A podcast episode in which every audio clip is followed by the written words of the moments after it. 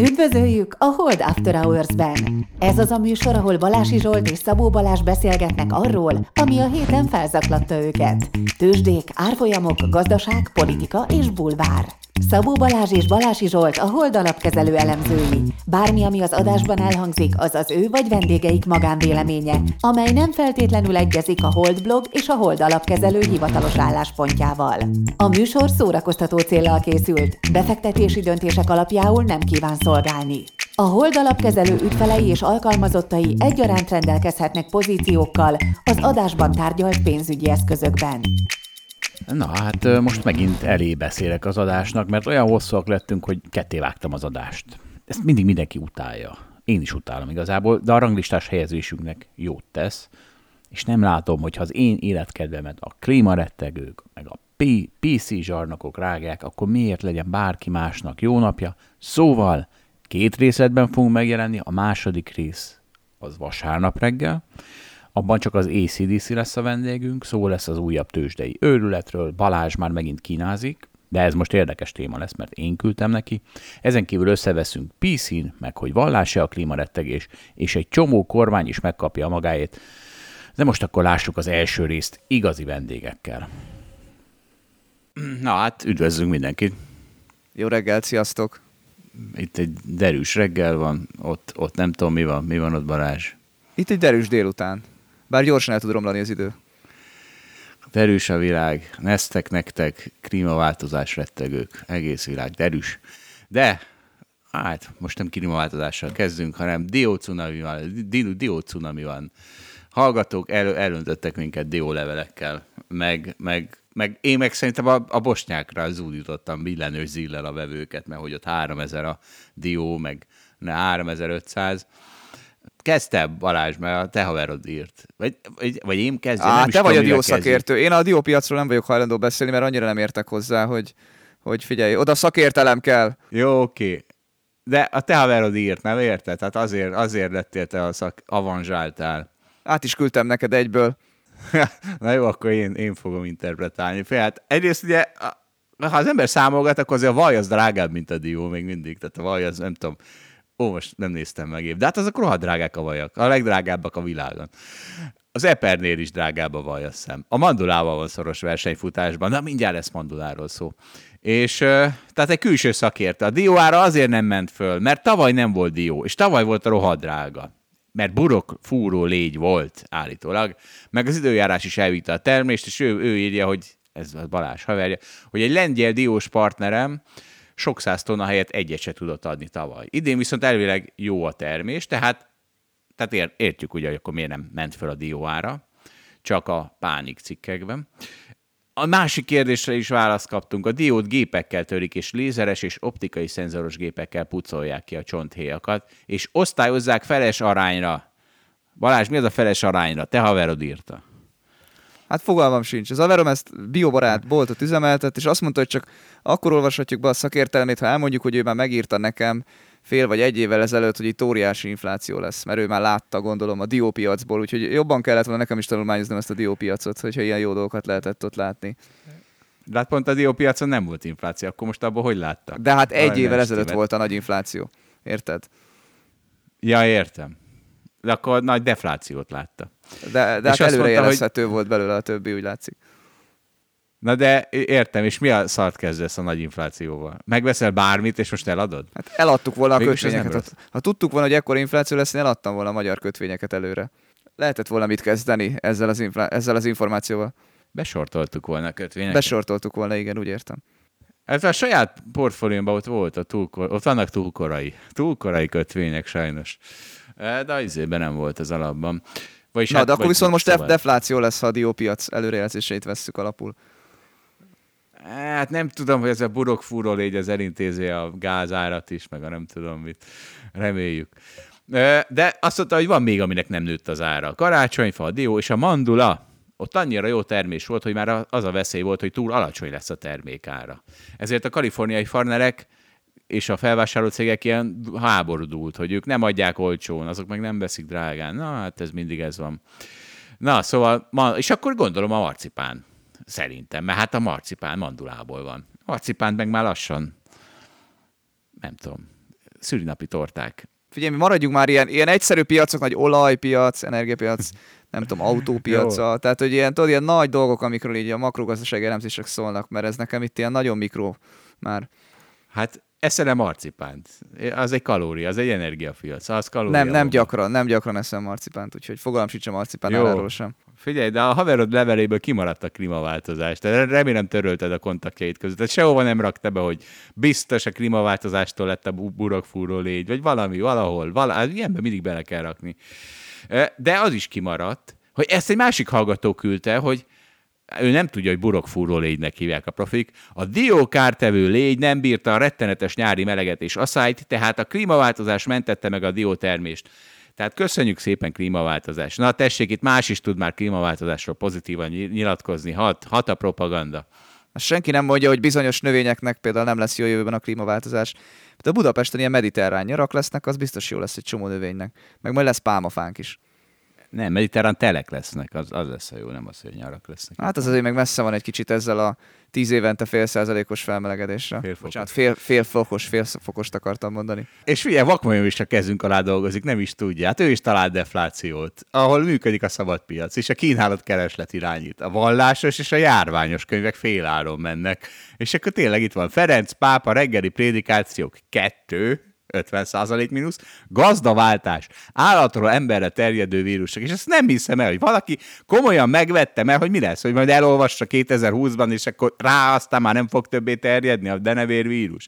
Hát hihetetlen, ilyen könyvek mentek, az is 40% mínusz, és megemlítette, hogy még a sikeres illiberalizmusról szóló könyv is 50%-os aukcióban, akcióban van. Na, szóval óriási defláció van, mindenki dőljön hátra. Ez egy propaganda infláció, vagy defláció. Na és, na figyelj, fölvezetjük Danit, mert most, ja persze, ja, hát nem is mondtam, hát lesz Danink, na, csak egy rövid, rövid részre tudtam beszuszakolni, de lesz Radnai Karesz is, őt egy hosszabb részre is be tudtam, be tudtam kényszeríteni, úgyhogy sok mindent megtudunk majd adóbevételekről, meg MNB-ről, MNB óriási flikflakokat dob, de ezt majd Danival tárgyaljuk ki. Mert ugye mi történt? És akkor ezt, ezt még mi tárgyaljuk ki ketten, mert hogy Hát az, hogy a kormány az a török-venezuelai úton halad továbbra is, hát arról már lesz később szó, az, azt úgy látom, azt fixálhatjuk, és az MNB ezt meg ilyen sokszerűen próbálja kezelni. És akkor nem tudom eldönteni, mert hogy a Fed vagy az MNB töri el éppen a, a magyar kötvénypiacot. Érted a dilemmámat? Hát igen, de szerintem ezzel várjuk meg a Danit, de mikor melyik? Tehát ugye, hogyha az amerikai kötvénypiac éppen esőben van, akkor azért nehéz, hogy a magyar kötvénypiac jól teljesítsen, mert az amerikai kötvénypiacra mondhatjuk, hogy az egy ilyen alapja valahogy az egésznek. Tehát azt ugye nehéz is elképzelni, hogy a Fed alapkamat az mondjuk nem tudom 4-5 százalék lesz, és akkor közben a magyar alapkamat meg mondjuk 3-4. Tehát ugye ezt, ezt ugye elég nehéz elképzelni. Tehát ahogy megy föl a Fed, az ugye tolja föl a, valószínűleg a magyar hozamokat is. Ettől függetlenül az eurózóna például alatta van az amerikainak, de mondjuk a magyarról ezt, ezt most ebben a pillanatban nehéz lenne elképzelni, hogy ez, ez megtörténhet. Úgyhogy van olyan nap, amikor a kötvénypiacnak a Fed ad egy pofon, néha meg, a, meg az MNB, de az MNB-vel akkor Danit várjuk meg. Igen, meg néha a kormány. Olyan ez egy kicsit, ugye ez, és akkor a háború, és akkor a kormány propagandát egy kicsit izélem, megtorpedózom, tehát olyan, de ez mint a háborús infláció, hogy háborús-e az az infláció, mert mi a háború most? Ez egy stresszteszt, ami a szar állapotban lévő gazdaságokat nagyon megrázza, de egy jó állapotban levőt, mondjuk egy svájcit, az nem nagyon bántja. És akkor, akkor most föltetted a kérdést, hogy mi az oka a, annak, hogy itt, itt ilyen összeomlásszerű állapot van? A háború, meg a szankciók, meg inkább a putyini ellenszankciók, vagy pedig a, az, hogy szarállapotban rakták a gazdaságot korábban, például benzinásapkákkal. És ez pont olyan, mint 2008-9-ben, amit láttunk, ugye, annak volt egy óriási hatása a magyar gazdaságra, de a magyar gazdaságra extra rossz hatása volt, mert az, mert az extra szar állapotban volt, de akkor is kellett hozzá a világválság. Tehát ez ilyen, érted, ha kellő, kellően propagandisztikus vagy, akkor szépen ráfogod csak a másikra. Amit a kormánynak nem lenne hibája, hogy szarállapotban volt a magyar gazdaság, például azért, mert óriási orosz kitettség sikerült összehozni. A másik oldalon meg azt lehet mondani, hogy na jó, de hát a, elkúrták, és azért lett a 2008-9 ilyen rossz. Tehát melyik? Melyik szerinted? Hát egyetértek a, azzal, amit mondasz, tehát szerintem is mindenki próbálja a másikra fogni, az biztosan történik, vagy minden kormány próbálja a külső körülmények fogni, a milyen kis, meg a többiek is.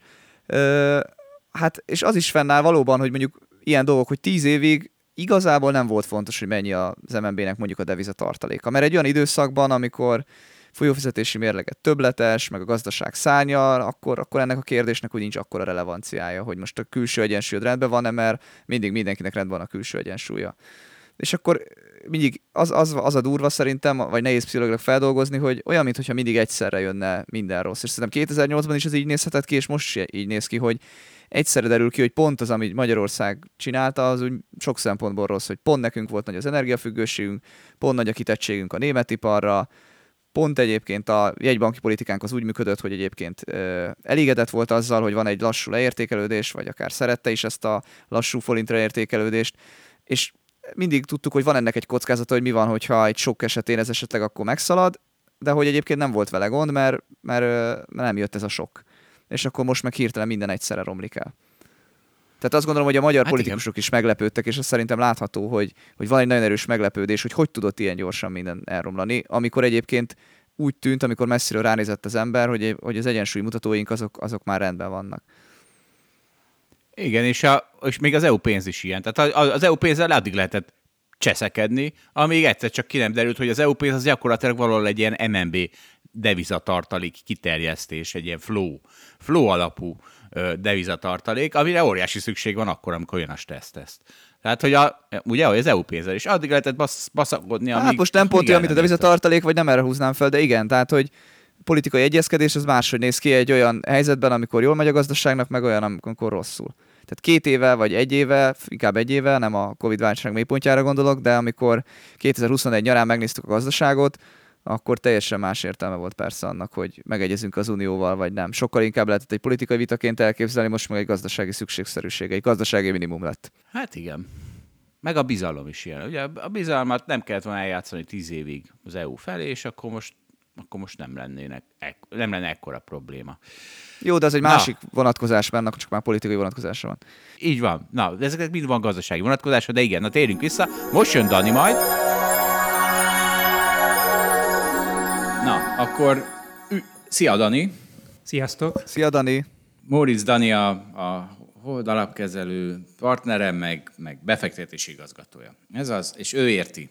Ő érti, hogy mi van a forint, meg kötvénypiacon, úgyhogy becibáltuk ide már megint. És egyébként... Ne túlos Zsolt, azért sok mindent nem értek. Próbálom megérteni. Jó, akkor ő érti a legnagyobb részét annak, ami ott folyik most éppen. És egyébként vicces, mert amikor legutóbb beszéltünk, akkor pont arról beszéltünk, hogy, hogy ugye Wellingtonban tudtuk megfogadni azt vasárnap este, hogy hogy kijött az EU pénzekről valami hír, amit biztos az egész világ nem ért, csak mi ketten a Balázsjal, és akkor ezt lefrontoljuk a világban. És most pénteken ez tört, ugyanezt történt. Hát nem ugyanez. Kaptunk egy levelet reggel 7 órakor az MNB sajtóosztályától, nem mi, nem mi a benfentesek, mert nem, nem benfentesek nyertek ezen, tehát na mindegy, később menjünk. Nem mi, hanem mindenki, az egész sajtóvilág kapott. És ha az ember elgondolkozott, hogy vajon milyen rend, mert ilyen nem szokott történni. Tehát ilyen nincs, hogy reggel hétkor küldenek egy levelet, hogy nyolckor beszél Virág Barna, hogy elgondolkozik, hogy vajon miről szeretne beszélni a Virág Barna, és az ember bízik abban, hogy nem forintot szeretne gyengíteni virágbarna reggel 8 órakor, akkor, akkor 7-től 8-ig bátran tréderhetett, vagyis hát longolhatott forintot. Úgyhogy megint volt egy lehetőség. Nem, nem, ti is megragadtátok. 7-től 8-ig nem szoktunk trédelni, nem lehet, hogy 9, 9-kor kezdődött volna ez a... Nem, nem, 8-kor kezdődött volna, még piac előtt akarták, csak aztán eltolódott a, a 8 Technikai órás... hiba Igen, miatt. igen. Na, Balázs, te hogy? Te, te még aludtál? Vagy? De hát te Malajziában vagy, hát ilyenkor nem Nem, hát Malajziából a legkönnyebb ezt lett éredelni, mert hogy itt akkor ugye, amikor 8 óra van ott, akkor itt kettő van, tehát itt délután van, de nem trédeltem le egyébként. Nekem, egy, nekem ez nem volt ennyire nyilvánvaló, meg az sem, hogy most kiáll az MNB beszélni. Legutóbb azt beszélték, hogy megállítják, a, vagy állítják a kamatemeléseket. Jó, de azt nem egy ilyen külön, külön e-mailbe harangozták be azért. Na mindegy. Szóval, Zsolt, ez egy kicsit szóval utólagos magyarázkodás, meg tudod, emlékszel, amikor a legutóbb a forintot longoltuk Új-Zélandon, akkor 404-ről valóban egyébként felment 396-ra felerősödött, de aztán meg utána visszament 434-re, tehát utána volt egy rosszabb kör, úgyhogy azért nem minden olyan egyértelmű a világban. Elnézve a forint árfolyamát a pénteki bejelentést megelőző napokban valószínűleg azért azt lehetett sejteni, itt a jegybank azért beszél, hogy erősítse a forintot, vagy ezért fog cselekedni. Na, én, én visszaszereztem a Wellingtoni bukóimat, nem tudom, Valás, te, te hogy voltál ezzel? És, na és figyelj, Dani, akkor most mondd el, hogy, hogy mi, mi a, mit jelentettek be, és, és a nemzeti hedgefundok erősödése mellett ennek milyen eredője lett? Alapvetően egy monetáris szigorítást jelentettek be, egy kamatemelést, egy effektív kamatemelést.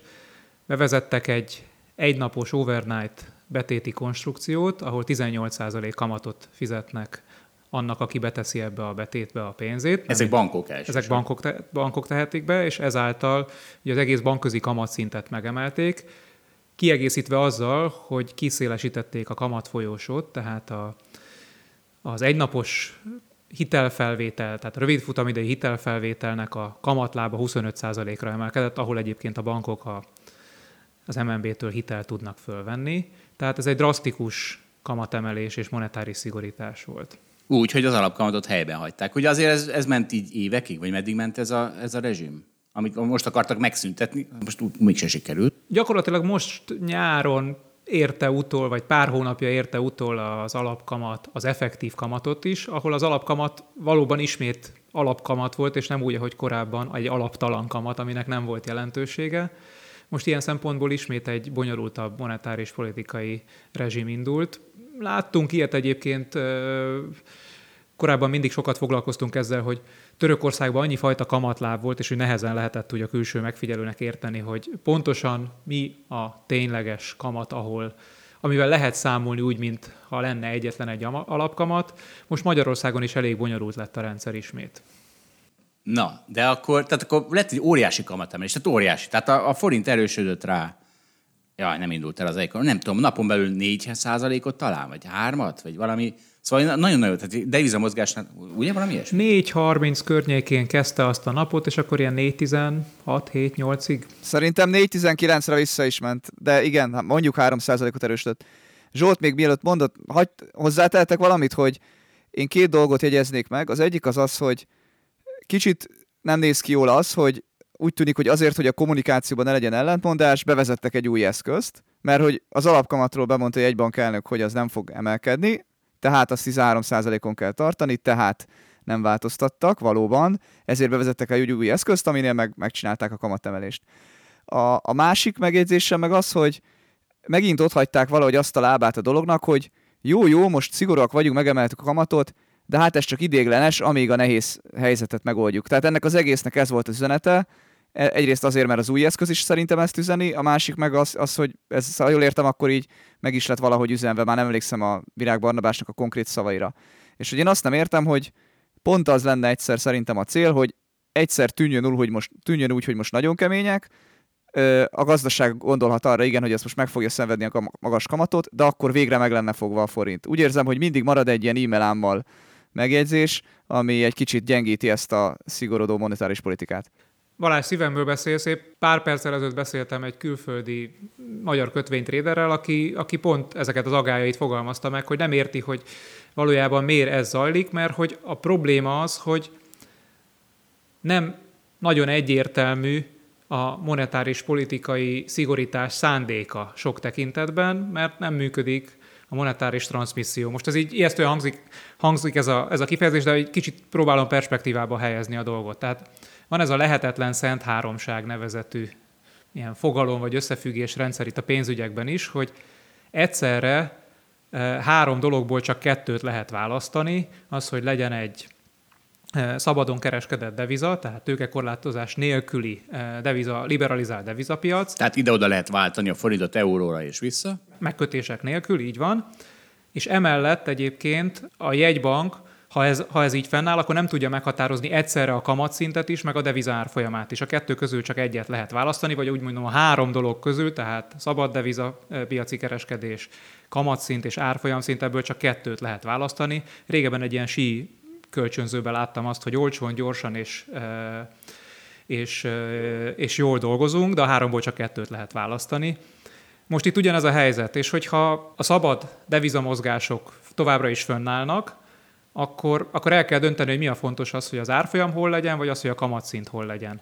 És azáltal, hogy Matolcsi György egybankelnök pár héttel ezelőtt kimondta azt, hogy megálltunk a kamatemeléssel, miközben előtte folyamatosan azt kommunikálta az MNB, hogy mindaddig emelünk kamatot, amíg az infláció nő, és, és szükség van erre a monetáris szigorításra, hogy megfékezzük az inflációt. Ez egy ellentmondás tükröző mondjuk cselekedet volt Matolcsi György részéről, és ennek következtében is kezdett el még gyorsabban gyengülni a forint. Na most vélhetően ezt szerette volna az MNB ezzel a múlt pénteki monetáris politikai szigorítással megállítani, csak hogy az a probléma, annak ellenére, ez egy drasztikus lépés volt, és meg is tudta állítani a, a, a forint gyengülését, továbbra is ott maradtak ezek a kérdőjelek, Balázs, amit te is említettél, hogy ez csak egy átmeneti dolog, nem tudjuk, nem annyira transzparens ez, a, ez, a, ez az új kamatrendszer, vagy monetáris politika, és ami még nagyobb baj, az, hogy a szigorú monetáris politika, a magas kamatszint, az nem feltétlenül gyűrűzik át a reálgazdaságban minden csatornán keresztül.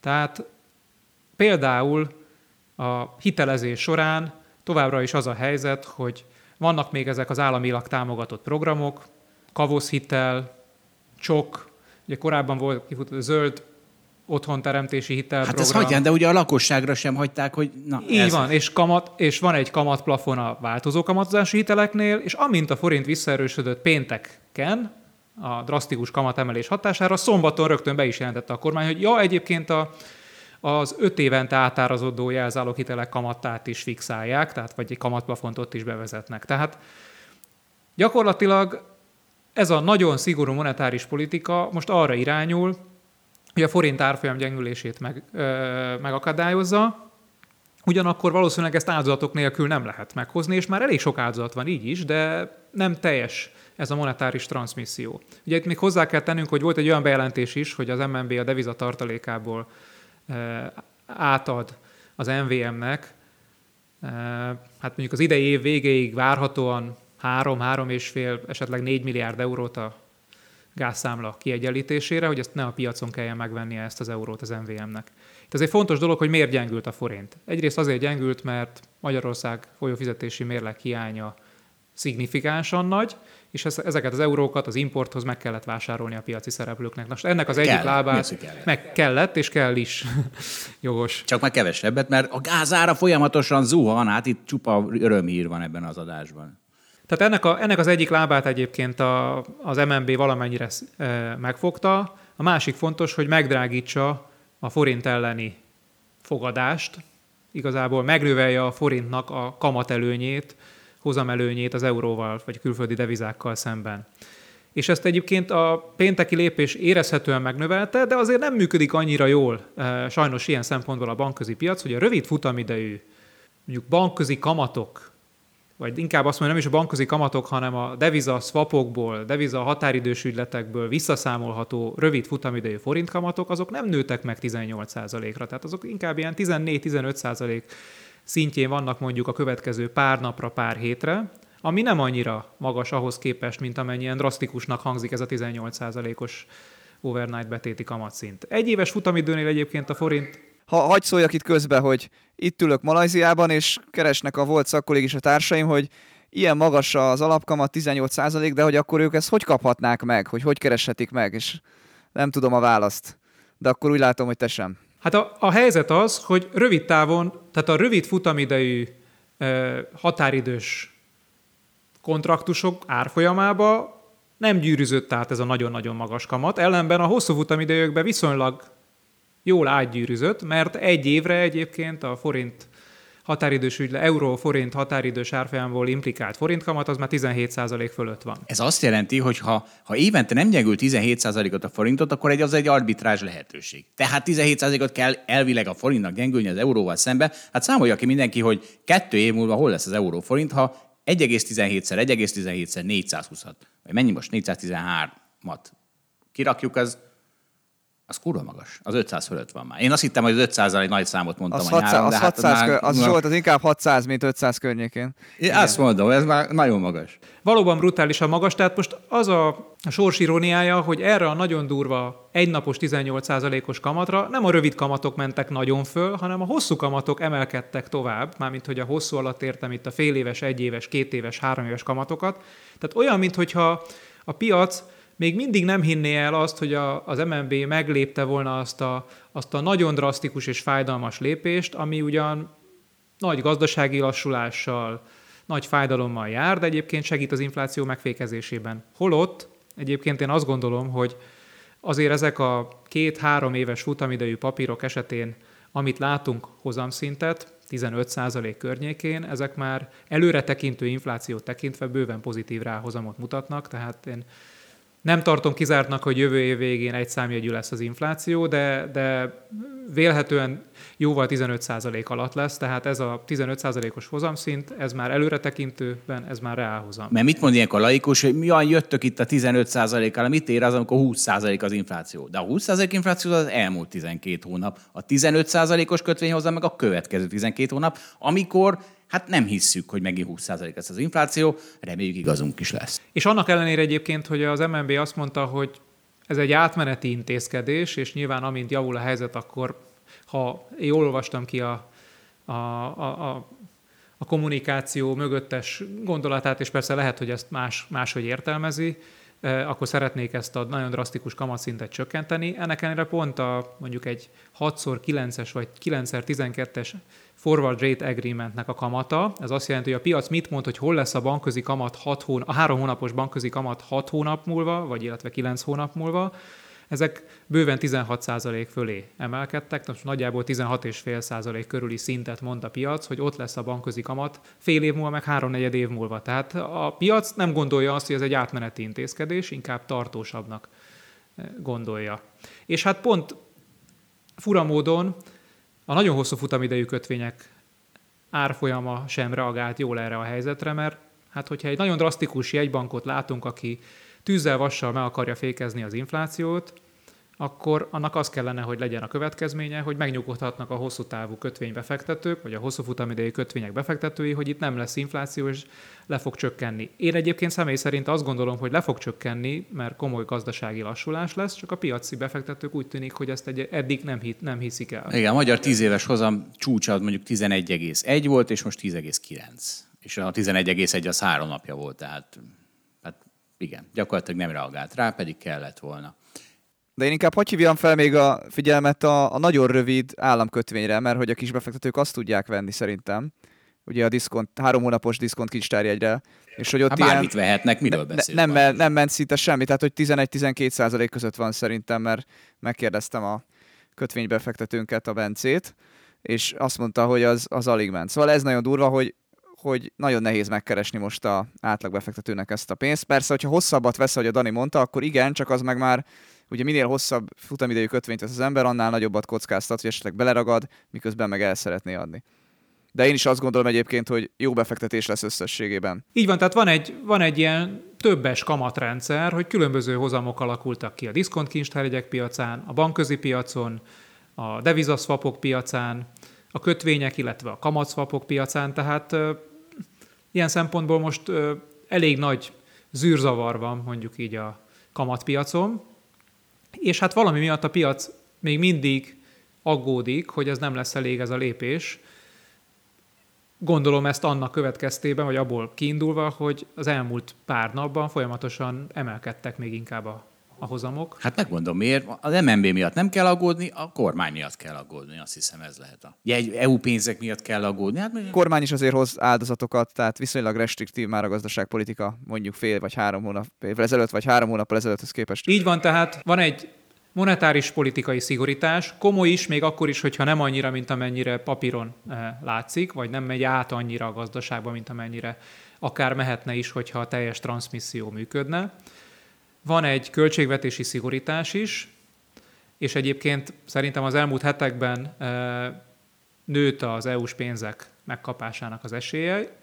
Tehát ezek kellenének, hogy erősítsék a, a, a forintot, meg a hitet azzal kapcsolatban, hogy a magyarországi infláció e, csökken, az államadóság finanszírozása e, fenntartható maradt, tehát e, ennek ellenére nem így reagál a piac, amiben nyilván vannak külső meg belső tényezők is, amelyek szerepet kapnak. A külső tényező az az, hogy összességében a globális kötvényhozamok folyamatosan emelkednek még, a hosszúak, tehát nincs vége a hozamemelkedésnek, és ezt mondjuk megsegítette egy nagyon nagy német költségvetési stimulus is, de egyébként egész Európában úgy tűnik, ellentétben a britekkel, akik gyorsan visszatáncoltak a, a kötvénypiaci reakciótól. Kirúgták szegény kvázit.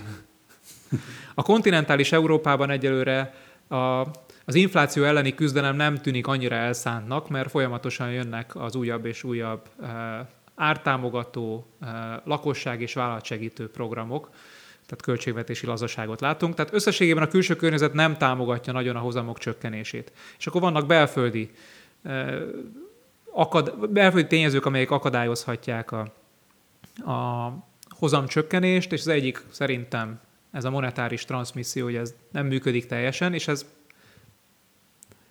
nem feltétlenül az MNB hibája, hogy mondtátok, hanem alapvetően a kormány irányából is hiába van szigorítás, ezek ilyen fájdalmas lépések, és nehezen e, születnek meg azok a lépések, amelyek akár még drasztikusabbak. Másrészt az MNB hitelessége is csorbát szenvedett a, a, az elmúlt hónapok e, során, különösen ezzel a kamatemelés Vége a kamatemelés. Kamatemelés végének a bejelentésével, amit egyébként viszonylag gyorsan, drasztikus kamatemelés követ, követett. Jó, akkor Dani, hát akkor meg vagyunk a izével, akkor egy, egy, egy szavas kérdés. Balási Zsolt Fund Manager survey Van-e Fed call? Inflációs folyamatoktól függ. Tehát akkor most van. Amíg magas az infláció, és amíg szigorú a, vagy nagyon feszes a munkaerőpiac, addig szerintem eh, van Fed call. Jó, ennyi elég. Ennyi elég, gyűjtöm, a, gyűjtöm az adatpontokat. Balázsa később majd Mi lett volna, ha még hagyod a Danit befejezni a mondatot, még a végén kijött volna, hogy nincs is annyira fetkor, úgyhogy gyorsan Ezért nem hagyom. Így. Ezért ez nem a biztos, hagyom. Hogy egy képzett. Kis, kis támogatás és támogatás, hogy megkap. Egy év múlva szerintem jóval lejjebb lesz az amerikai infláció, érezhetően lejjebb, és a munkaerőpiacon is vannak már olyan jelek, amelyek azt mutatják, hogy a feszesség csökken, enyhül, úgyhogy ott nem biztos, hogy lesz fetkol. Így van, de akkor már Balási Zsolt se fogja mondani, hogy van fetkol. Akkor Na, nem csinálsz felmérést. Akkor nem, akkor, de, hát, de hát akkor arról nem lesz értelme, tudod, akkor már másért fognak parázni az emberek. Na, ez Balázsa, később erről beszélünk, de nem tudtuk még, hogy mit válaszol Dani, ez, ez fontos. Na, hát akkor köszönjük szépen, Dani. Sziasztok! Én is köszönöm. Szia, Szia Dani! Na, és akkor most Dani után vagyunk.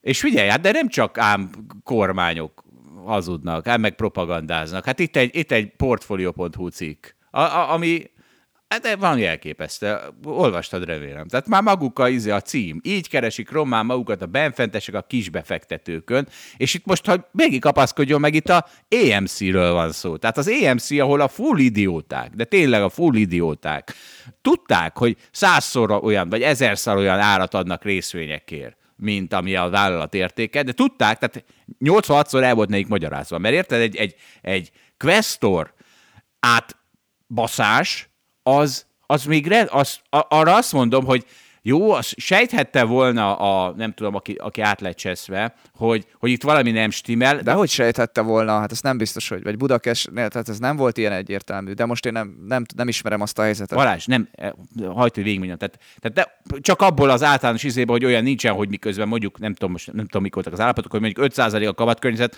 valaki 10%-os hozamot kínál ö, betonbiztos. Hát ilyen nincsen. Tehát de ilyenekből lehetett volna sejteni, mert valóban mondjuk a Questornál volt egy olyan IT, aminek az volt, a, az volt a, azért kaptak tízszeres fizetéseket, hogy elrejtsék, hogy mi folyik a cégben. Tehát valóban ezen nehéz átlátni. Na de az EMC, hát mindenki mondta, hogy, hogy ezek bolondok, és, és ők büszkék voltak rá, hogy majd mi megszivatjuk a világot. Majd aztán kiderült, hogy a világ szívette meg őket végül, ugye így egy, mit tudom, jó, jó egy évvel később, és akkor meg akkor most itt jön ez a cikk, hogy nagyot kaszáltak a nagykutyák. Sok kisbefektető megégette magát kegyetlenül kihasználták a benfentesek, és jelentős profitokat tettek zsebre. Ilyen, ilyen, ilyen kommunista mondatok hangzanak el a portfolio.hu. Hát nem hiszem el. Na, tehát azért én is olvastam a cikket, tehát egy, a portfolio.hu cikk az nyilvánvalóvá teszi, hogy ez jogilag egyébként helyén való volt, és a, szerintem nincs ennyire erős morális tartalma abba az irányba, hogy morálisan vagy etikailag bűnt követtek el ezek a nagykutyák, tehát egy kicsit túlzol, azt akarom mondani. Én is látom, hogy a nagyot kaszáltak a nagykutyák, a megfogalmazásokat értem, én is egy kicsit túlzónak találom. Mert hogy itt, mert hogy itt ez a benfentes szó, ez, ez szerintem félrevezető. Tehát persze benfentesnek Persze. hívjuk egy cég, cégnek a vezetőit, nyilván a cégnek a vezetői, azok sokkal több információra rendelkeznek a cégről, mint a kisbefektetők, ez ugye mindig így van. De a benfentes aznak van egy negatív konnotáció is, amikor valaki úgy benfentes, hogy azt kihasználja a benfentességét. És, és akár etikailag, akár jogilag kárt okoz. De és ez szándékosan volt használva, tehát erről beszélek, hogy szándékosan van a benfentes használva, nem a tulajdonos. Hát ez nem, ez nem benfentessége, amit itt folyt. Hát ezt mindenki tudta, hát mindenki harsogta, és ők szándékosan ezzel szembe mentek. Tehát itt nem egy ilyen eldugott tudás volt, hogy az EMC túl van értékelve. Ezt bizony mindenki tudta. Általában hívhatod benfentesnek a, a vezetőt. Tehát a vezető benfentesebb, mint a kis befektető. Na mindegy, Igen, Igen, csak- most nem akarom, tehát, ne, ne, tehát értem most a nyelvezete egy kicsit erős ennek a néhány helyen valóban a cikknek, egyetértek veled, de egyébként leírja jól a helyzetet, ami történt, meg leírja jogilag korrekt is volt. Ö, valóban szerintem is az van egyébként, amit mondasz, hogy itt a hülye is látta, hogy mi van, és le volt írva, tehát ebbe igazad van, hogy itt nem egy átverés történt. Tehát a vállalat vezetőinek egyébként jogában áll eladni a részvényüket, abban az esetben, ha nekik ö, olyan ablakban vannak, ugye egy, egy időablakban, amikor például nincsen többlet információjuk arról, hogy most a jelentés az jó lesz-e a következő hetekben, vagy nem lesz jó. Tehát ennek megvannak a törvényi szabályai, és ez Amerikában nagyon jól szabályozva van, és ez úgy tűnik, hogy ők ezt abszolút betartották, ezek a, ezek a vezetők.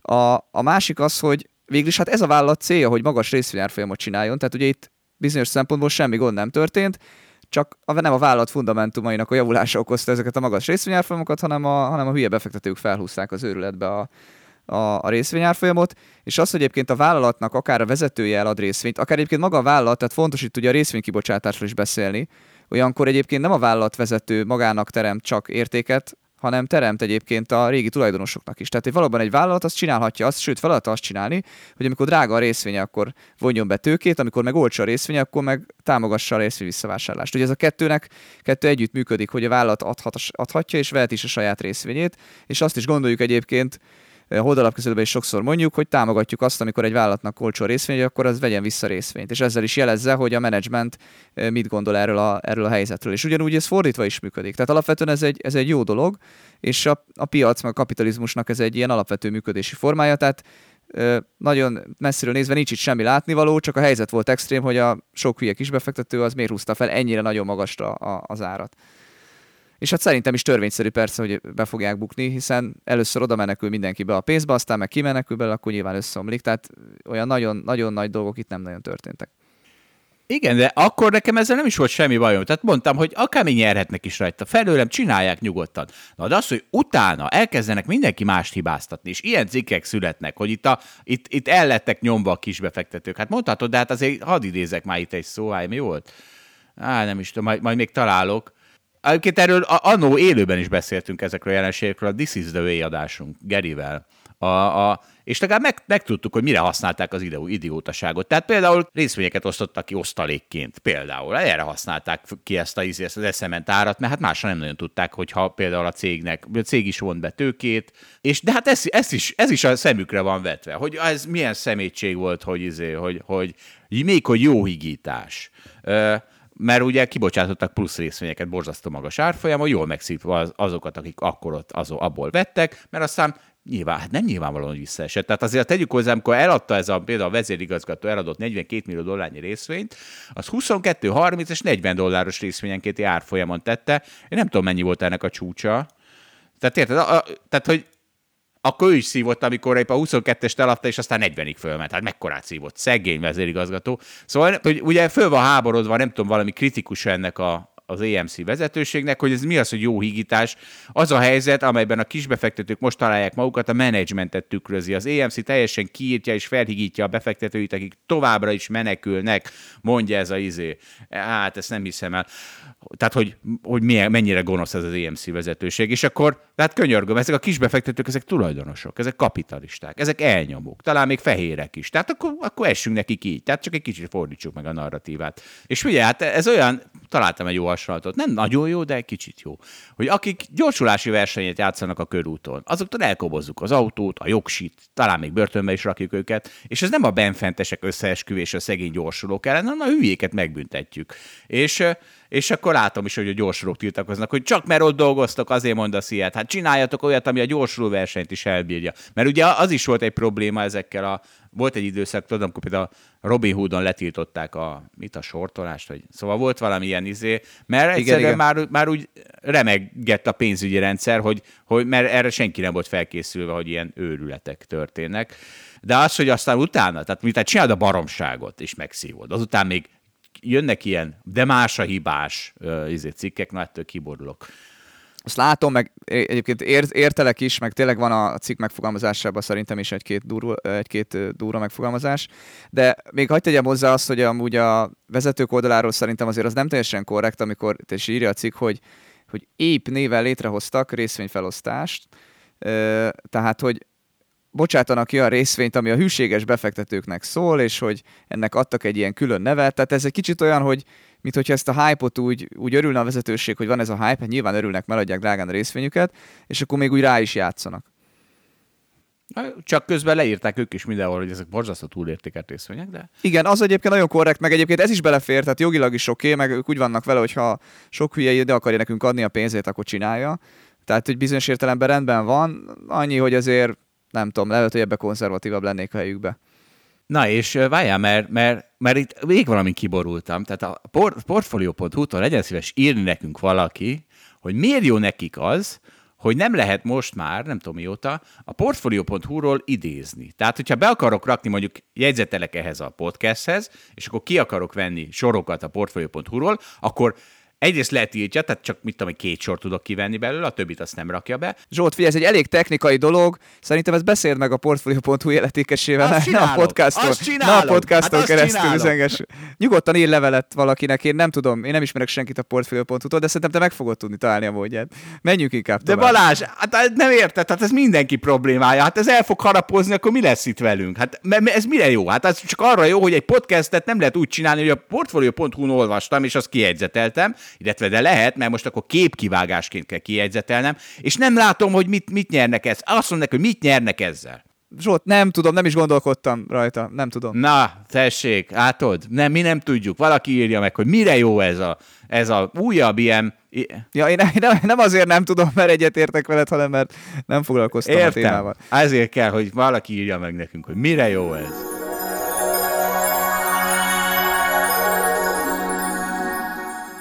Na, hát akkor most Radnai Károlyt üdvözöljük. Itt az Andersen cég fejét. Jó, jó lesz így? Jó lesz így. Andersen adótanácsadó ZRT. Így van. A bukott Andersen Phoenix madárként de ezt már egyszer megbeszéltük két Igen. éve. így, így, hát az még kicsit fáj. De ő most már nem bukott, felbukta, felbukott a vízből. Igen, a Phoenix, ez a Phoenix egy szóval. És hát egy nagyon hektikus nap van. Tehát ma van a forint legdurvább napja, mert mindenki, mindenki brillírozik a forint piacán, az MNB-től a, a teljes globális spekuláns hordákig. És most vettük föl mi egy afganisztáni adást, ahol szó volt a kábítószerekről, amire nekem egyre nagyobb szükségem van, de ez abból is látszik, hogy én itt most egy biciklis gatyában ülök, mert elfelejtettem nadrágot hozni. Tehát nagyon durva napunk van, és Karesz ezen a napon eljött, hogy megnyugtassa a világot. Ugye, na miből indulunk ki? Magyarország nominális GDP-je az 55 ezer milliárd forint volt 2021-ben. És most van egy ugye eszement inflációnk. Hát mit tudom én, most legyen mondjuk 14% az éves átlagos infláció, tehát az azt jelenti, hogy az 55 ezer milliárd forint, ez így alapból fölmegy, mit tudom én, 7 ezer milliárd forinttal, és ami azt jelenti, hogy az adóbevételek is fölmennek 3,5 ezer milliárd forint. Tehát ennyi plusz költségvetési bevétel lesz. És Ennél az... több lesz. Miért lesz több? Mert több van a költségvetésben, és a pénzügyminisztérium tudja, hogy ami az infláció, az nem feltétlenül az adóbevétel. Adóbevételek azok jobban fognak nőni, mint az infláció. Hát ugye ez akkor igaz, de nem az a baj, hogy recesszió jön, és recesszióban összemennek a profitok, legalábbis gondoljuk ezt. Tehát a, és azt meg azért a, tehát a, az, a, a, az adóbevételt azt a Hát csak egy részét, a profit után fizeted. Na de? Így van, így van, de ha megnézed az idei, és én most nem azt akarom mondani, hogy az adóbevételek vannak rosszul tervezve, hanem valószínűleg az infláció nem annyi, amennyinek ki van mutatva. Hát, úristen, már most már hova jutottunk? Tehát most, a, akkor most te most arról beszélsz, hogy annyival jobban fognak nőni a bevételek, mint maga az infláció, mert az infláció rosszul van. Erről beszélsz? Tehát, hogy... Igen, ha megnézed az idei bevételeket, tehát itt most már nem csak a jövő évről kell beszélni, hanem az ideiről is. Tehát Igen. ha megnézzük a, a július 31-ig teljesült adóbevételeket, mondjuk pont az áfát, mert az áfa az, az a, ami a legjobban igazodik elvileg az inflációhoz, hogy több mint 20%-kal felül teljesít a, a, ter, a, a tavalyi évhez képest. Tehát 20%-kal nő? Igen, hogy, sok, hogy több. Tehát, hogy a, az első fél évben több mint 20 százalék, és én akkor arra az időszakra még ilyen 11-2-3 százalék körüli inflációt mondtak arra az időszakra. Aha, értem. Hát akkor találtunk egy statisztikát, ahol fülön lehet érni, csípni azt, hogy a KSH statisztikája nem nagyon van köszönő viszonyban a Na hát ezt a népi, izé, a népi bölcsesség ezt mindig is tudta, nem? Nekünk meg ilyen izékkel Hát ugye a KTH, vagy KTH, KSH statisztikájában ugye nagyon sok olyan dolog van, ami az árstop megfogott, de azok nem feltétlenül. Tehát attól, hogy a, a 2.8-as tejet azt hatósági árhoz kötötték, nem csak olyan tejet lehet kapni, és az összes más tejterméknek az ára meg megnőtt, és ezzel az összes többi terméknek is az áfája megnőtt. Tehát, hogy bizonyos termékek attól, hogy ki vannak ragadva, és az inflációs statisztikában figyelembe veszük, az még nem jelenti azt, hogy egyébként a gazdaság egészen így működik. Ja, tehát azt mondod, hogy felül van reprezentálva mondjuk a 2.8-as tej, ami általában nem baj, mert a 2.8-as tej teljesen korrelál az összes többi tejjel, csak most itt Csak nem most nem. Ah, na jó, hát akkor ez mégsem a, ugyanaz, mint a, mint a népi bölcsesség, hanem egy kicsit tudományosabb, de hát ezért hívtuk ezt. Mégis mi a kérdés, hogy az, hogy nőnek ezek a például az áfa, meg nő az SZIA, ugye ezek, ezek együtt nőnek gyakorlatilag a nominális GDP-vel, de van olyan, van olyan adóbevétel, ami nem. És akkor mi ezeknek az aránya? Ugye ez az első kérdés, mert akkor is meg vagyunk lőve, hogyha nagyon sok az olyan adóbevétel, ami nem nő így a nominális GDP-vel. Hát van pár olyan adóbevétel, amilyen úgynevezett tételes adó, tehát hogy vagy per darab, vagy per liter, vagy így, mert ezek a klasszikus, ebből a legnagyobb az a jövedéki adó, de ilyen az ingatlan adónál is, hogy per négyzetméter, itt ezek teljesen függetlenek attól egyébként, hogy az árak hogy alakulnak, itt meg van határozva darabszámra, hogy mennyi lesz az adó, és hogyha ha van infláció, ha nincs ezek, ezeknek az összege, ez csak a, a forgalom arányában tud változni. De mondj már konkrétat, mert így nehéz megérteni. Tehát mondj egy konkrétat. Hogy... Hát például a benzinára. Tehát a benzinárán a jövedéki adó az, az, az per liter van meghatározva, vagy a cigarettánál per cigarettaszál, és akkor van egy konkrét ára, és hogy attól, hogy mondjuk a, a, a, az üzemanyagára az megemelkedik, mert a világpiaci ár megemelkedik, attól még az, az arra rakódó jövedéki adó nem emelkedik meg. Az áfa az viszont az árral arányosan változik. Igen, na így már érthető. Viszont mondjuk azért a benzin jövedéki adó az meg euróban van meghatározva, az meg viszont azért nő. Így van, de azokat ugye minden évben implementálják a törvénybe, tehát hogy attól, hogy tehát attól valami eltérés megenged az EU, tehát hogy az nem úgy van, hogy ha egyik nap beesünk a, az euró érték alá, akkor azonnal korrigálni kell, hanem itt van egy, egy türelmi idő, ezek egyébként nem is én egy pár hónap, hanem ezek akár évek is tudnak lenni. Még ha nem reagál a magyar kormány, akkor kötelezettségi szegési eljárás indul, és ez volt egyébként pont a cigarettánál. Ez egy nagyon érdekes példa, hogy ott a cigarettánál kifejezetten nem akarta a kormány megnövelni a jövedéki adót, mert, mert ott az a fekete gazdaságot nagyon, nagyon helyzetbe hozná, tehát hogy akkor Ukrajnából, Romániából az olcsóbb cigaretta jön be. Hát vagy ezért, vagy azért, hogy mert a szegény választó, nem? Tehát azért a, a csirkefarhatára is azért van lenyomva, nem azért, mert bejön Ukrajnából a... Biztos ez is benne van, de hogy ott, ott egyértelműen, tehát a, a cigarettánál, ott a cigarettánál nagyon jó, mivel ez egy ilyen nagyon szigorúan ellenőrzött jövedéki termék, tehát azt pontosan tudják, hogy a gyárból kijöve körülbelül mikor fogják eladni és hol és ebből nagyon jól lehet látni azt, hogy ha mondjuk az ár egységnyilván megemelkedik, akkor hogyan változik a forgalom. Ez egy nagyon ö, olyan kereslet, ami nem fog attól megváltozni, mert hogy megemelik az árat, ettől nem szoknak le az emberek, viszont lehet, hogy megemelik az árat, és akkor nem a, nem a, a, a, a rendes piacon vásárolják meg a cigarettát, hanem a fekete piacon, és ezt tudják nagyon jól mérni. Ja, értem. Na és, de azt hiszem, most is arra nem választottunk, tehát mint egy 90 százalék az olyan bevétel, ugye? Így van. Ez körülbelül a, a, tehát a költségvetési bevétel 90% az olyan bevétel, ami, ami hogyha ha emelkedne, ami az inflációra reagál. Tehát vagy azért, mert hogy a, a költségek emelkednek, és akkor azon keresztül, vagy azon, hogy mely jövedelmek a béren keresztül, tehát ide tartozik az SZIA, ide tartozik a, a jövedék, vagy bocsánat, az ÁFA, társasági adó, iparüzési adó, ezek ugye a legnagyobb tételek. Körülbelül az, nem is költségvetés, hanem az államháztartási bevételek 90%-a, és akkor a maradék 10%-a olyan bevétel, ami, amiből a legjelentősebb a jövedéki adó, és akkor még a vám, meg építményadó, telekadó, ezeket lehet ide sorolni, ami, ami viszont meg nem reagál. Tehát a adóbevételek 90%-át az infláció nagyon érinti. Nagyon jó. Tehát akkor még a kamu KSH inflációval számolva is ez 3000 milliárdos többletbevétel, de valószínűbb az 5 mondjuk, vagy akár Igen. 6. Na hát akkor reméljük ez bölcsen lesz elköltve az év végén. Hát ha megnézzük a 2023-as költségvetési számokat, akkor most emlékeim szerint ott ott egy 5 vagy 6 ezer milliárdos bevételi főszeg emelkedés van betervezve, de ezt most decemberben újra fogják gombolni. És nőni fog valószínűleg. Nem biztos. Tehát ugye a, a, a, ha egy olyan környezetben, mint ami most vagyunk, hogy még van kereslet, és van egy nagyon erős infláció, itt ilyenkor egyértelműen egyenesen, arányosan, tehát ha nő az infláció, akkor nőnek az áfa bevételek is, viszont hogyha ha a kereslet elmarad, tehát mondjuk elfogy az embereknek a pénze, akkor már hiába nő az infláció, akkor a, az áfa bevételekben ez már nem biztos, hogy meg fog jelenni.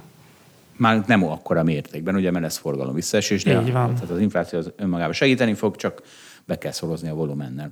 És ugye az az ellenérve ez ellen, hogy jó, de a, a költségvetés kiadásai is nőnek azért az inflációval. Közalkalmazottok bére, tehát előbb-utóbb azért kell szegény pedagógusoknak is béremelést adni, a nyugdíj az ugye eleve az inflációhoz van, van indexálva. Csak az a helyzet, hogy az nagyon késeltetett. Tehát ez ugye mindig egy évvel később legalább, mert mire kiverik a pedagógusokat szegények. Mire kiverik a kormányból a, a béremelés, de hát a nyugdíj is az év végén történik, és a jövő évi lesz a ez évi inflációval indexálva. Tehát a ez évi inflációt azt megkapja a kormány ebben az évben, mint áfa bevétel, de aztán a nyugdíjkiadás az csak a következő évben nő meg ennyivel. Tehát ugye van egy ilyen laufa, és ez ott fog visszaütni, amikor majd Hát ilyen is lesz, mindenki higgye, ilyen is lesz, amikor majd csökken az infláció, mert akkor még, akkor meg ugye ez egy folyamatos teher lesz a költségvetése, hogy már az előző év, szóval, na, mindenki érti, remélem, mondtam. Ehhez tudsz valami okosat? Hogy most aggódjunk, vagy ne aggódjunk? Te aggódsz, vagy nem aggódsz? Hát én nem is feltétlenül az infláció miatt aggódom, én inkább az energiaárak miatt aggódom, hogy az fog egy olyan turbulens folyamatot elindítani, amitől aztán hirtelen hasonló elképzelhető, hogy van olyan forgatókönyv, hasonlóan be fog fékezni a gazdaság, mint a Covid alatt, mert hogy hirtelen ilyen, ilyen láncreakciószerűen leállnak ellátási láncok. Tehát, mm, ez... Igen, mondjuk az elég jó. Tehát ez, ez de... talán még a Covid-nál is jobban tervezhető, hogy mik fognak leállni. Igen, igen, igen. De hogy ezeket azért lehet látni, hogy, tehát, hogy most ugye mindenki hall, hall ilyen híreket, hogy az úszoda bezár, de, hát, de ugye ez csak a jéghegy csúcsa, tehát az úszoda persze az, akkor az bezár, de nagyon sok vállalkozás fog bezárni ha azok bezárnak, akkor azok a munkavállalók elvesztik az állásukat, akkor azok a munkavállalók megjelennek munkanélküliként, akkor az megjelenik, ugye lecsökken az adóbevétel, megnövekszik a kiadás, illetve hát egy fogyasztáscsökkenés hír, hirtelen elindul, és, és ugye ha, ha az ismerős elveszti az állását, akkor az lehet, hogy az már rám is olyan hatással lesz, hogy hű, ha akkor itt most már történik valami, akkor én is behúzom a féket, és ez egy, ez egy, ez egy nagyon negatív láncreakciót tud elindítani. Hát igen, ez a klasszikus recessziós spirál, de hogy csökkentsük a klasszikus recessziós spirál, tessék a Dutch TTF gáz ára ma is zuhan. Ma éppen 5,5 százalékot. Épp 145 euró környékén jár. Ugye ez volt, ez volt, ez volt, mindjárt mondom mennyi volt, mennyi volt ennek a csúcsa, 350 augusztus végén, amikor minden derék kormány bőszenben bevásárolt belőle, mert mert, mert. Hát igen, csak mondjuk ez a hétköznapi embert mennyire érinti, tehát hogy a, meg a KKV-kat, tehát a, a, az MVM kiajánlotta most az új árat mindenkinek egy évre előre, tehát hogy most lehet, hogy lecsökken, de attól Ja, nem szabad elfogadni. Aki teheti, ne fogadja el az egy évre előre ajánlott árakat, hanem mindenki fizesse a piaci árat, és aztán majd fél év múlva már sokkal kedvezőbb egyéves ajánlatokat lehet elfogadni. Így van, már akinek erre van lehetősége. Így van, csak annak, akinek van lehetősége. Amúgy mindenki fizesse azt, és nyelje le az árat. Ez van. Vagy fűtsön kevesebbet. Hát ugye hát ezért. Ezért izélünk itt. Ülünk itt rövidgatjában. Na figyelj, hát mehetünk áfarésre? Menjünk át az áfarésre. Áfarés, mert ugye van a méltán... Olyan jó neve van. Tessék? Olyan jó neve van. Így van. Van a méltán világhírű videóm, és abban volt két slide ezekről a áfa bevételekről, és az egyik az az, hogy hát a hallgatók még nem is tudják, csak aki már látta ezt a videót, hogy áfa beszedésben Magyarország a legjobban teljesít. 2013-ban még, és előtte folyamatosan 22% volt az áfarés, mert az áfarés az az, hogy mennyi áfát szed be a, egy állam, ahhoz képest amennyi potenciálisan beszedhető, és mennyi a különbség. Tehát, hogy ha itt 22% volt a rés, ami nagynak minősül, és ez lecsökkent mostanra olyan 6% környékére. Ennek örülsz, Karesz? Szakma örült neki annó? És Én- minek köszönhető? Én szakmailag, de nem csak én örülök, szerintem, mert az állampolgárok mindenkinek örülnie kell ennek, mert ugye ez azt jelenti, hogy több a bevétele az államnak, amit akkor utána a közjóra tud fordítani. Hogy Na jó, most fölrögtem, de folytasd ide-. Idealista legyek. De ugye az egyébként biztos, hogy nem jó, hogy bármilyen állam számára, hogyha a 20% körül van az áfarés, mert akkor átláthatatlanok a folyamatok. Tehát ez egy nagyon jó dolog, hogy, hogy, hogy, hogy tisztul a gazdaság. Ennek három fő eleme volt, lehet, hogy már itt is elmondtam, de hogy hallgatók is tudják, ugye volt az az online pénztárgép, utána volt az, az EKR nevezetű ilyen ö, útnyilvántartási, árufuvarozási ellenőrző rendszer, és aztán a harmadik hulláma pedig a, a, a, az online számladat szolgáltatás kötelező bevezetése volt, amitől lényegében a gazdaság minden rezdüléséről a NAV azonnali információt kap, és, és ez alapján nagyon jó célzott ellenőrzéseket tudtak elvégezni, és elég volt csak egy pár ilyen noszogató levelet kiküldeni az ügyfeleknek, hogy látjuk, és nekünk úgy tűnik, hogy ez nem feltétlen jó így, és hogyha esetleg máshogy csinálnád, akkor nem küldenénk legközelebb ilyen levelet neked, és akkor láss csodát. Befizették az áfát? Ö, hát meg elkezdtek számlát adni. Tehát ugye ez az online számlaadat szolgáltatás, meg, a, meg a, a, az online pénztárgépe arra nagyon jó, hogy azon valós időben lehessen látni, mondjuk ott van egymás szemben két üzlet, és az egyik két, ugyanazzal foglalkoznak, és az egyiknek kétszer akkora a forgalma, akkor, akkor ebből azt gondolhatja az adóhatóság, hogy akkor az, a, az egyik üzlet mindenkinek ad számlát, a másik üzlet meg csak minden második ügyfélnek ad számlát. De Elég, ha csak ugye azt, és kiküldöd egy embert, hogy nézze már meg, Így hogy van. akkor hány ember megy be oda. Így van, így van. És akkor állítólag ezt egyébként ilyen már, ez már teljesen a science fiction, hogy, hogy egy iPad-del, vagy mit tudom én, egy hordozható géppel oda mennek az üzlet elé, és ott nézik egyébként a forgalmat, hogy hogyan alakul, és akkor egyébként napon belül is látják azt, hogy most Ugye mindenféle ilyen vicces sztorit hallottam, hogy elment a főnök a, az, a, az üzletből, és írtán nem elkezdtek nem adni számlát a, az alkalmazottak, és Ja. aztán bementek a navosok, és akkor visszajött a főnök, és akkor megköszönt a főnök, hogy szóltak, mert hogy akkor tudja, hogy akkor a zsebre dolgoztak az alkalmazottak. Igen. Na de ugye csak egy kicsit elkalandoztam, de hogy, hogy, hogy ilyen szinten látja most a NAV azt, hogy, hogy mi, a, mi a dinamika a gazdaságban, és ennek köszönhetően volt egy nagyon erős fehéredés. Ebből fakadt az, hogy egyébként a, a, azokban a statisztikákban, ahol mondjuk azt nézik, hogy a, a, meg, mennyire terheli meg az adórendszer a gazdaságot, ezekben rendre idézőjelben rosszul szerepelt Magyarország, mert hogy nagyon magas volt, mert hogy az történt, hogy így volt ez a, nagyon sokáig beragadtunk ez a GDP 40%-os ö, mértékére, tehát hogy a GDP 40%-a volt a, az adóelvonás, és volt egy 2013 és 2018 között egy olyan furcsa időszak, hogy hiába csökkentek állandóan az adók, mivel hogy fehéredett a gazdaság, ezért az adóbevételek azok nem hogy csökkentek, de még nőttek is, és ahogy nőtt a GDP, hogy erről 40%-ról nagyon nehezen tudott lejönni, tehát hogy Ez lement. várjál, most 49 százalék, vagy 48 Nem, nem, nem, az nem, most már kevesebb, most már ilyen 35-36 százalék körül van. Nem, lehet, hogy másról beszélünk. De jó, tehát lehet, hogy te az adóról beszélsz, én meg a teljes elvonásról. Igen, Tehát én az adóról Jó, beszélek, oké. bocsánat, én, én az adóról beszélek. Mert hogy közben hiába csökkent a társasági adó 9%-ra, meg a SZOC 27-ről szépen legyalogolt, most már csak 13 százalék, meg, meg egy sor más adó is, és egyébként meg az áfa maradt 27 százalékban, azt már az elején felemelték. Ennek ellenére nem csökkent a GDP arányos adóbevétel, azért, mert hogy közben fehéredett a gazdaság, és, és szó szerint ömlött be a pénz a, költségvetésbe. Hát és most is ömlik az inflációtól. De hát ugye ez gyakorlatilag adóemelés, tehát ugye, jó, hát igen, ahogy Karesz is kezdte, tehát ha ezt jól költi el az állam, akkor éljen, hogyha a gazdas, hogy ott maradt volna a privát szférában, és ők jobban költik el, akkor meg nem örülünk. Mindenki döntse el. Kit költi el jobban? Itt most két különböző dologról beszélünk. Tehát én arról beszélek, hogy szerintem az egy jó dolog, hogy fehéredik a gazdaság, és hogy ez átláthatóbban, tehát mindenki, mert de a, a, a, a, az EKR rendszer bevezetés, ami egyébként a, egy nagyon nehéz, de az online pénztárgép is hasonló volt, hogy ez nagyon nagy ellenállás ütközött, mert, mert, mert elég nagy adminisztrációs, meg informatikai befektetést igényelt, nem csak az adóhatóság, de a vállalkozások oldaláról is, de aztán azt látták a vállalkozások, hogy azok, akik egyébként tisztán és rendesen működnek, azok hirtelen sokkal jobb versenyhelyzetben találták magukat azokhoz képest, akik meg egyébként meg, megpróbálták az adót eltitkolni. Tehát, ezt, hogy... ezt, ezt, ezt honnan veszed? Tehát ezt tudod? Mondták, ezt tudom. csomó elégedett ügyfél izével beszélgetsz erről, hogy így van, így végre van. a szomszéd is így van. tehát, az áfát. Az áfa csalások például, tehát hogy mondjuk az a kiskereskedelemben, tehát hogy, hogy megszűntek azok a termékek, amik azért voltak olcsók, mert nem volt rajta áfa.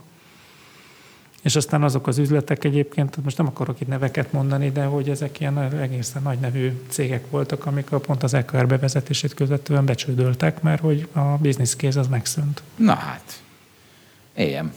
Vagy nem tudom. De hát ugye, tehát azért ezt mindig mi fizetjük meg. Tehát azért, igen. Jó, oké, hát ilyen, mindennek.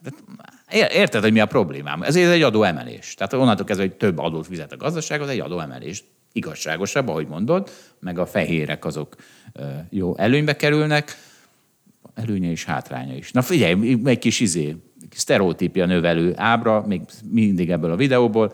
Magyarországon most már így, mit tudom én, most épp 6% körül van, de az utolsó tényleg az 9% volt az áfarés, tehát hogy addig lecsökkent, és az egész régióban magasabb. És mindenhol 10 és 15 közt van, tehát itt fizetik a leginkább az áfát. A Románian az 35 százalék, ott nagyon nem szeretnek áfét fizetni. Görögország és Olaszország ott sem szeretnek áfát fizetni, ez 20 és 25 százalék, és Svédország, na, ott nagyon szeretnek, ott 2 százalék csak az áfalés. Szóval ehhez is tudsz valami anekdótát? Igen, azt tudom ez, hogy a, a sztereotípiák alapján Magyarországon is akkor nagyon magasnak kellene lenni az áfalésnek. Hát volt is. Volt Így is. van, tehát hogy ezt mutatja, hogy a digitalizációnak milyen hatása van.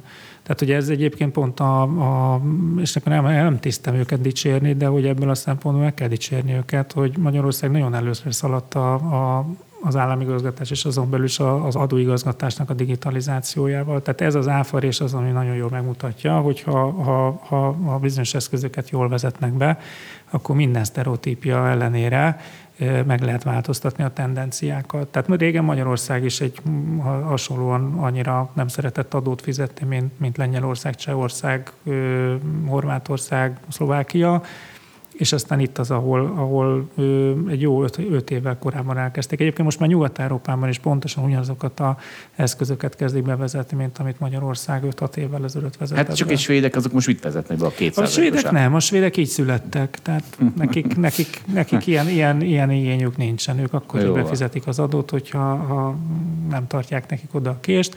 Magyarországon meg hát nyilván, és valószínű, tehát itt nem, nem arról van szó, hogy mi sokkal jobbak lennénk, mint bárki a régióban, egyszerűen arról van szó, hogy, hogy egy olyan mm, keretrendszerbe került az, adó, az adózás Magyarországon, hogy, hogy, hogy erre ez a természetes válasz. Nagyszerű. Na hát egyébként én ezt nálam is egy pozitívum ebbe a videóban. Na figyelj, Karesz, van még egy közös propaganda pontunk a szinkron eltörléséről, és igazából én ezt mindig így éreztem, meg, meg ilyen anekdotális izéim voltak róla, és, és aztán nektek volt egy tanulmányotok ezzel kapcsolatban, még mint Orientax csináltátok, ugye a magyar filmiparral kapcsolatban rengeteget dolgoztatok, majd linkeljük azt, a, azt amikor erről beszélgetünk a, ezt a magyar filmipar múltjáról és jövőjéről. Na, mondd el ezt a panelt, mert hogy ez nagyon erősíti a narratívámat. Igen, a Orientax az az Andersen leánykori neve, csak aztán férjhez mentünk, és felvettük a férnevét. A Főnix madár előtti Igen, igen. Andersen. Szóval, hogy készítettünk egy filmipari tanulmányt, ami arról szólt, hogy Magyarország versenyképessége a Európában és a világban a, a filmipar terén, és a több szempont szerint is vizsgáltuk Magyarország versenyképességét, és ennek ugye az egyik szempontja nyelvismeret volt, ahol ahol, ahol kifejezetten ahol teljesítettünk, és úgy belevittünk egy kis játékot, mert hogyha már filmiparról, médiáról van szó, akkor összehasonlítottuk azt is, hogy volt a, az EU-nak is, meg az OECD-nek is volt rendszeresen, meg biztos most is van, csak mostanában nem figyelem, megjelentetnek jelentéseket, hogy az egyes országokban milyen a, a, az idegen nyelvismeret, azon belül is az angol nyelvismeret. Tehát ezek elég objektív adatok és akkor ezen, ezt nagyon szépen össze lehetett hasonlítani azzal, hogy egyébként a, a, ahol jobban tudnak, meg ahol kevésbé jobban tudnak angolul, ott egyébként szinkronizálják a filmeket, vagy nem szinkronizálják, és nagyon érdekes ilyen, ilyen szinte egyen, egyenes arányos összefüggés volt, hogy ahol szinkronizálják a filmeket, ott rosszabb az angol nyelvtudás, mint ahol nem szinkronizálják, és feliratosan közlik a filmeket. És akkor de hogy ebben szerintem mindenkinek vannak ilyen mindennapos élményei, hogy elmegy mondjuk Franciaországba, és akkor ott szinkronizálják a filmeket, és, és nehezebben tudnak az emberek angolul, aztán átmegy Hollandiába, és ott meg mindenki nagyon jól tud angolul, átmegy Németországba, ott megint kevésbé tudnak jól angolul, már most már azért egyre jobban. Most ez, ez inkább szerintem ez ilyen 10 évvel, 15 évvel ezelőtti sztereotípiák, elmegy Spanyolországba, senki nem tud angolul, átmegy Portugáliába, és tudnak angolul, elmegy Magyarországra, senki nem tud angolul, átmegy Horvátországba, és tudnak angolul. És ezek, ezek mind annak köszönhetők, hogy a tévében felirattal mennek a filmek.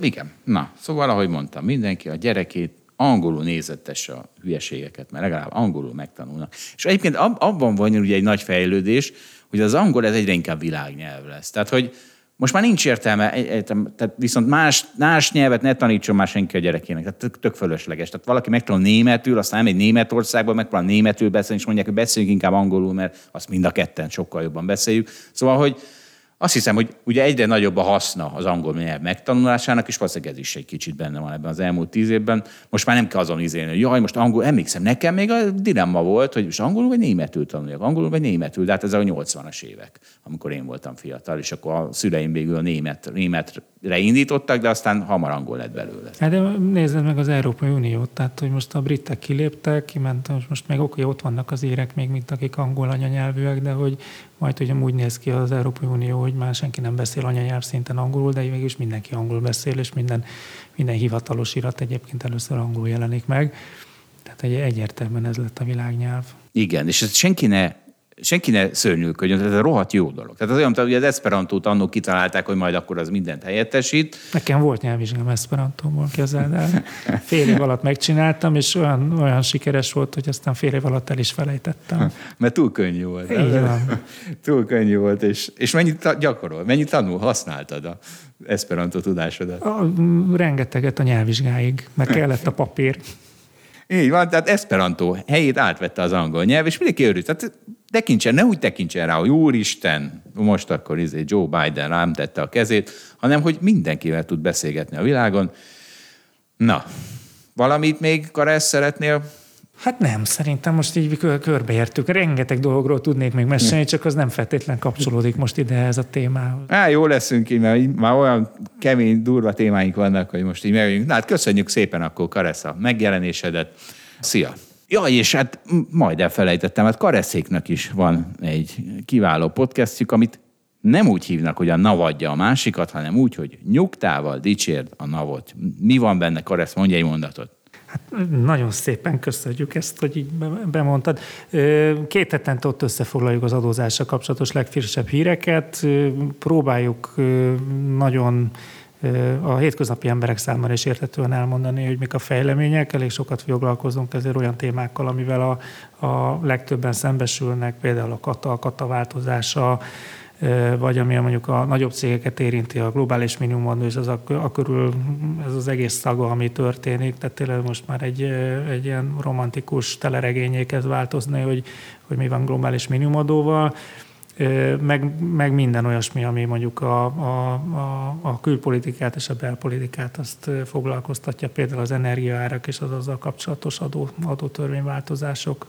Na, a globális minimumadót azt mi most megúszuk, akit érdekel, az menjen el a nyugtával dicsérd a navot adásba. Na, köszönjük, Karesz! Köszönöm én, és sziasztok! Köszönjük, hogy velünk tartott a Hold After Hours mai részében. Ha tetszett a műsor, kérjük értékeljen minket, és iratkozzon fel csatornánkra, hogy azonnal értesüljön legfrissebb epizódjainkról. Az adással kapcsolatos részleteket és az említett cikkeket, ábrákat keresse a Hold blogon. Ez volt a Hold After Hours. Tartson velünk a következő adásban is!